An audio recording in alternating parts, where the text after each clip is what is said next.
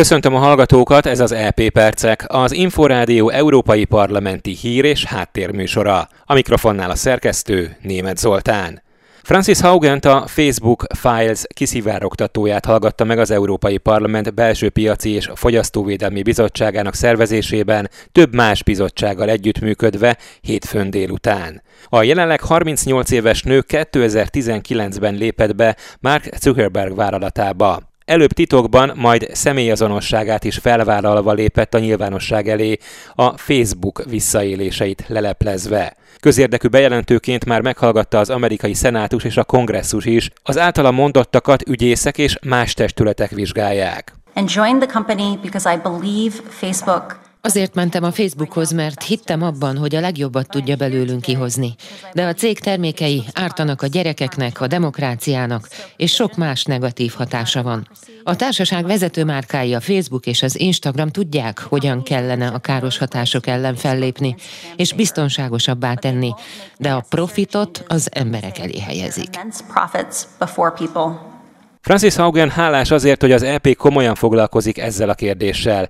Világszinten is hasznosnak és ígéretesnek nevezte a digitális szolgáltatásokról szóló szabályozást, amelyet ezekben a hónapokban készít elő az Európai Bizottság. A fiatal nő beszámolt arról is, hogy a Facebooknál először termékmenedzser volt, foglalkozott az álhírek kezelésével. Szerinte a profit túlzott mértékű hajszolása valamikor személyi sérülésekhez vezetett a felhasználóknál, különösen a tizenéves lányoknál. Dear members of parliament, Tisztelt parlamenti képviselők, nagyon sok forog itt kockán. Egy generációs lehetőség előtt állunk.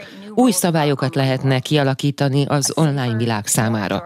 Biztonságosabb és élvezhetőbb közösségi média. Ez egy lehetséges cél. Francis Haugen elmondta, hogy a demokrácia nem létezik, ha nem emberként kezeljük egymást, és nincs szolidaritás az emberek között. Úgy véli, a megosztó tartalmakat kezelni kell, mert azok károsítják a demokráciát.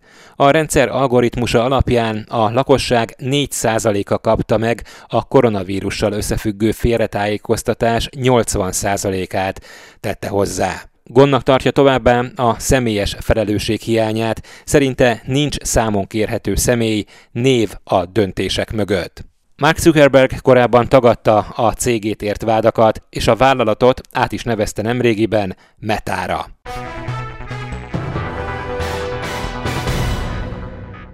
Az EP küldöttsége péntekig továbbra is részt vesz a Glasgow-i ENSZ klímakonferencián. A képviselők világszerte gyorsabb fellépést szeretnének az éghajlatváltozás ellen, vállalást minden G20 ország részéről, hogy 2050-ig klímasemleges lesz. Ezen kívül szeretnék azt is elérni, hogy évente legalább 100 milliárd dollárt fordítsanak éghajlatváltozás elleni finanszírozásra a fejlődő államokban.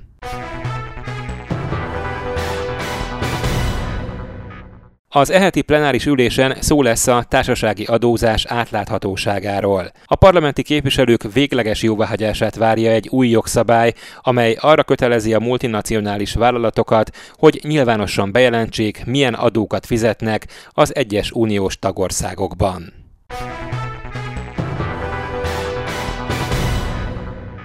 A képviselők várhatóan végleges zöldjelzést adnak az EU menekültügyi ügynökségének létrehozására. A korábbi Európai Menekültügyi Támogatási Hivatal teljes jogú ügynökségi alakul, és nagyobb hatáskörrel rendelkezhet majd a tagállamok közötti együttműködés elősegítésében.